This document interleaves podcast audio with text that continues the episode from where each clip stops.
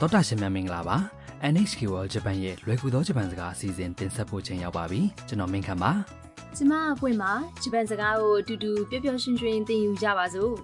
ဒီကနေ့သင်ခန်းစာ34မှာကိုလှုပ်ဖူးတဲ့အကြောင်းအတွေ့အကြုံရှိတဲ့အကြောင်းကိုဘယ်လိုပြောမလဲလေ့လာပါမယ်စီစဉ်နောက်ပိုင်းမှာဂျပန်မှာလူကြိုက်များနေတဲ့မန်ဂါကာဖေးအကြောင်းမိတ်ဆက်ပေးပါမယ် ဗီယက်နမ်ကလာတဲ့အကြောင်းသူတမ်ဟာအမေရိကန်လူမျိုးမိုက်နဲ့အတူမန်ဂါကဖေးကိုရောက်လာခဲ့ပါတယ်မိုက်ဟာဂျပန်ကစ်ဘောယဉ်ကျေးမှုတွေကိုနှံ့ဆက်တဲ့သူဖြစ်ပါတယ်မန်ဂါကဖေးဆိုတာကရုပ်ပြကာတွန်းတွေမဂ္ဂဇင်းတွေအများကြီးရှိပြီးစိတ်ကြိုက်ဖတ်လို့ရတဲ့ဆိုင်ပဲဖြစ်ပါတယ် သင်ခန်းစာ34အတွက်ဇာတ်လမ်းကိုနားထောင်ပါ ああ漫画がたくさんタムさんこの漫画知ってるはい読んだことあります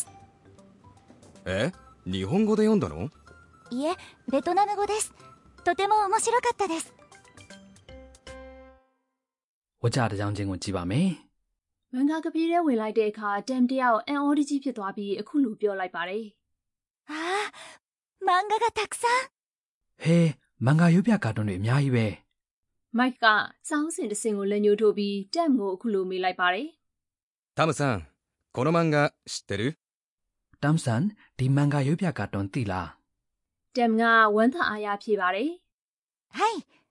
読んだことあります ဟုတ်ကဲ့ဖတ်ဖို့ပါတယ် ။မိုက်ကအန်အော်သွားပြီး え日本語で読んだの ဟုတ်လားဂျပန်စာနဲ့ဖတ်တာလား တမ်ကပြန်ဖြေပါတယ် いえベトナム語です မဟုတ်ပါဘူးဗီယက်နမ်စာနဲ့ပါ とても面白かったです အရန်စိတ်ဝင်စားစရာကောင်းတယ် ။ဂျပန်ရဲ့မန်ဂါရုပ်ပြကာတွန်းတွေကနိုင်ငံခြားမှာလည်းလူကြိုက်များတယ်နော် ဟုတ်ပါတယ်နိုင်ငံခြားဘာသာစကားမျိုးမျိုးကိုပြန်ဆိုထားတဲ့စာအုပ်တွေလည်းအများကြီးရှိပါတယ် ။မကြခင်တော့တမ်ကဂျပန်စာနဲ့ရုပ်ပြကာတွန်းတွေကိုဖတ်တက်လာမယ်ထင်ပါတယ်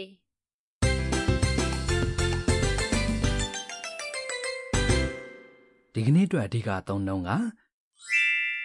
読んだことあります ဖတ်ဖူးပါတယ်ဖြစ်ပါတယ်ဒီပုံစံကိုသိသွားပြီဆိုရင်ကိုလှုပ်ဖူးတဲ့တွေ့ကြုံဖူးတဲ့အကြောင်းတွေကိုပြောတတ်သွားပြီဖြစ်ပါတယ်အဓိပ္ပာယ်တွေကိုကြည့်ပါမယ် 読んだこと ဆိုတာဖတ်ဖူးတဲ့အတွေ့အကြုံလို့အဓိပ္ပာယ်ရပါတယ် 読んだ ဆိုတာကရိယာ 読む ဖတ်တယ်ရဲ့အတိတ်ကာလပုံစံဖြစ်ပါတယ် あります ဆိုတာက ある ရှိတယ်ဆိုတဲ့ကရိယာရဲ့ must ပုံစံပါဒီတော့တတွဲလုံးရဲ့အဓိပ္ပာယ်ကဖတ်ဖူးတဲ့အတွေ့အကြုံရှိပါတယ်ဖြစ်ပါတယ်တနည်းအားဖြင့်ဖတ်ဖူးပါတယ်ဆိုတဲ့အဓိပ္ပာယ်ဖြစ်ပါတယ်ဒီကနေ့အတွက်အဓိကအချက်ပါကိုယ့်ရဲ့အတွေ့အကြုံကိုပြောပြတဲ့အခါထပုံစံကရိယာနဲ့ ことあります ကိုတွဲသုံးရပါမယ် ။ထပုံစံကရိယာဆိုတာ ထပုံစံကရိယာဆိုတာထသို့မဟုတ်ဒနဲ့အဆုံးသတ်တဲ့ကရိယာပုံစံဖြစ်ပြီးအတိတ်ကာလကလှုပ်ခဲ့တာဖြစ်ခဲ့တာဒါမှမဟုတ်လှုပ်ပြီးသွားတာဖြစ်ပြီးသွားတာကိုဖော်ပြပါတယ်ဒီကနေ့အဓိကအသုံးတော့မှာပါတဲ့ 読んだ ဆိုတာကရိယာ 読む ဖတ်တယ်ရဲ့ထပုံစံပဲဖြစ်ပါတယ် ထပုံစံကိုဘယ်လိုလုပ်ရမလဲ။ ထဲပုံစံကရိယာရဲ့ထဲသို့မဟုတ်ဒဲကိုဖြုတ်ပြီးထဒါမှမဟုတ်ဒပေါင်းရမှာဖြစ်ပါတယ် နားလဲပါပြီ။ကဲသရရှင်တို့ပြန်နှားထောင်ပြီးလိုက်ပြောကြည့်ပါ 読んだことあります読んだことあります読んだこと ရဲ့အနောက်မှာဝိဘတ်ဂါကိုထည့်ပြီး 読んだことがあります လို့လည်းပြောနိုင်ပါတယ်အခုတခါလူတစ်ယောက်ကသူ့အတွေ့အကြုံအကြောင်းပြောနေတဲ့ဥပမာစကားပြောကိုနားထောင်ပါ 明日盆踊りがありますよ盆踊りネットで見たことありますでも本物は見たことないです အဓိပ္ပာယ်တွေကိုကြည့်ရအောင် 明日盆踊りがありますよ ။မနေ့ပြန်ဘုံကရှိပါတယ် 明日 ဆိုတာမနှက်ဖြန် 盆踊り ဆိုတာကဘုံအကဖြစ်ပါတယ် 盆踊りネットで見たことあります ။ဘုံအကအင်တာနက်မှာကြည့်ဘူးပါတယ် ネットで ဆိုတာအင်တာနက်မှာ 見たことあります ဆိုတာ 見る ကြည့်တယ်ဆိုတဲ့ကရိယာကလာတာဖြစ်ပြီးကြည့်ဘူးတယ်ကြည့်ဘူးတဲ့အတွေ့အကြုံရှိတယ်လို့ပြောတဲ့ပုံစံပဲဖြစ်ပါတယ် でも本物は見たことないです ဒါပေမဲ့တကယ်အပြင်မှာမကြည့်ဘူးပါဘူး でも、 ဆိုတာဒါပေမဲ့ 本物、 ကတကယ်အစစ် 見たことないです。 ဆိုတာကြတော့မကြည့်ဘူးပါဘူးဖြစ်ပါတယ်အတွေ့အကြုံမရှိတဲ့အကြောင်းကိုပြောတဲ့အခါ あります。 အစား ないです。 မရှိပါဘူးလို့သုံးရပါမယ် ။အော်နားလဲပါပြီ။ကဲနောက်တစ်ခေါက်ပြန်နားထောင်ပြီးလိုက်ပြောကြည့်ပါဦး 盆踊り。ネットで見たことあります。でも、本物は見たことないです。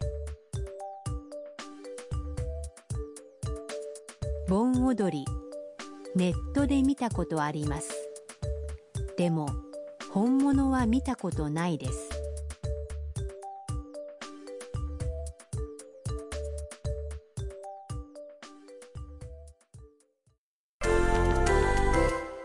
တခြားတွေ့ကြုံတွေလည်းပြောကြည့်ရအောင်ဒေါက်တာရှင်တို့ခီးထွက်တဲ့အကြောင်းပြောနေရင်အိုကီနာဝါအကြောင်းပါလာတယ်ဆိုပါစို့ကိုကအိုကီနာဝါကိုသွားဘူးတယ်ရောက်ဘူးတယ်ဆိုတာကိုတစ်ဖက်လူကိုပြောပြရအောင်အိုကီနာဝါက 沖縄。沖縄。 ဘာသွားတယ်က 行く。 သူ့ရဲ့သားပုံစံက 行った。行った。 ဘာပြောကြည့်ပါအောင်ခင်ဗျာ 沖縄行ったことあります沖縄行ったことあります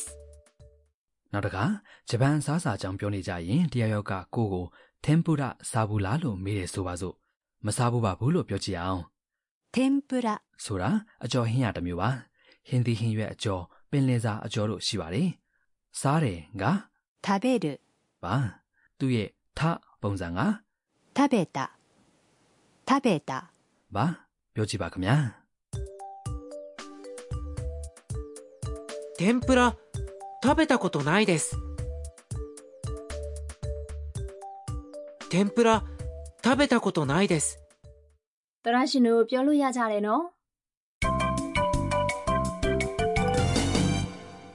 ဒီကနေ့အတွက်ပို့စုစကားကမိုက်ကတမ်ကိုပြောလိုက်တဲ့စကားပါအလွတ်မှတ်ထားပြီးပြန်သုံးကြပါခင်ဗျာ 知ってる知ってる ရဲအတိပယ်ကတိလာဖြစ်ပါတယ်မိသားစုဝင်ချင်းချင်းတငယ်ချင်းချင်းချင်းပြောကြပါတယ်ရင်ရင်ကြီးကြီးပြောတဲ့ပုံစံက mass ပေါင်ပြီး 知ってますか လို့ပြောရမှာဖြစ်ပါတယ်ကိုကတိတယ်လို့ပြန်ပြမယ်ဆိုရင် はい。知ってます。はい。知ってます。 ဖြစ်ပါတယ်။မသိဘူးဆိုရင်တော့ いいえ、知りません。いいえ、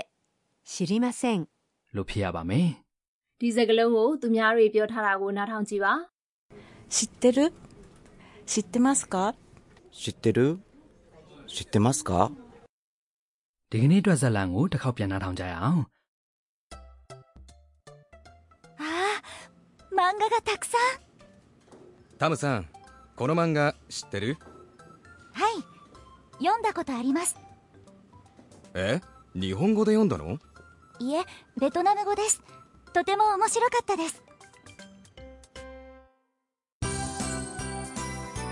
マイクと一緒にポップカルチャー ။အခုဆက်ပြီးမိုက်နဲ့အတူပြောခေတ်ပေါ်ယဉ်ကျေးမှုကဏ္ဍပါ။ဒီနေ့တော့ဂျပန်ကမန်ဂါကဖေတွေအကြောင်းကိုပြောပြပါမယ်။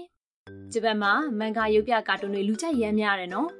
ဟုတ်တယ်။မန်ဂါကကလေးတွေအတွက်ရောလူကြီးတွေအတွက်ပါရှိတယ်။အမျိုးအစားအဖြစ်လည်းအချစ်၊စွန်စားကန်၊အားကစား၊သမိုင်း၊နိုင်ငံရေး၊စာပေ၊အစားအစာစသဖြင့်အဆုံးရှိပါတယ်။မန်ဂါကဖေးတွေကကြာချိန်နဲ့တွက်ပြီးပတ်စံပေးရပါတယ်။စာအုပ်တွေကတော့စိုက်မှာအများကြီးရှိတဲ့ထဲကစိတ်တလောက်ဖတ်လို့ရပါတယ်။များသောအားဖြင့်တီးသန့်အခန်းလေးတွေလည်းရှိတတ်ပြီးတချို့ဆိုင်တွေဆိုရင်ရုပ်မြင်သံကြားတို့အင်တာနက်တို့သုံးလို့ရပါတယ်။ အစားအသောက်တွေနဲ့အအေးတို့ရင်နွေးချမ်းတို့တောက်စရာကြိုက်တလောက်တောက်လို့ရပါတယ်။အခုတချို့ဆိုင်တွေဆိုရင်မီဆိုဟင်းဂျိုတို့ရေခဲမုံတို့ပါတာမျိုးလည်းရှိပါတယ်။ရေချိုကန်းလေးတွေပါတဲ့ဆိုင်တွေပါရှိပါသေးတယ် ။ဟဲအံ့ဩစရာပဲ။အဲ့လိုကဖေးဆိုင်မျိုးဆိုရင်တော့တနေ့ကုန်နေနိုင်တယ်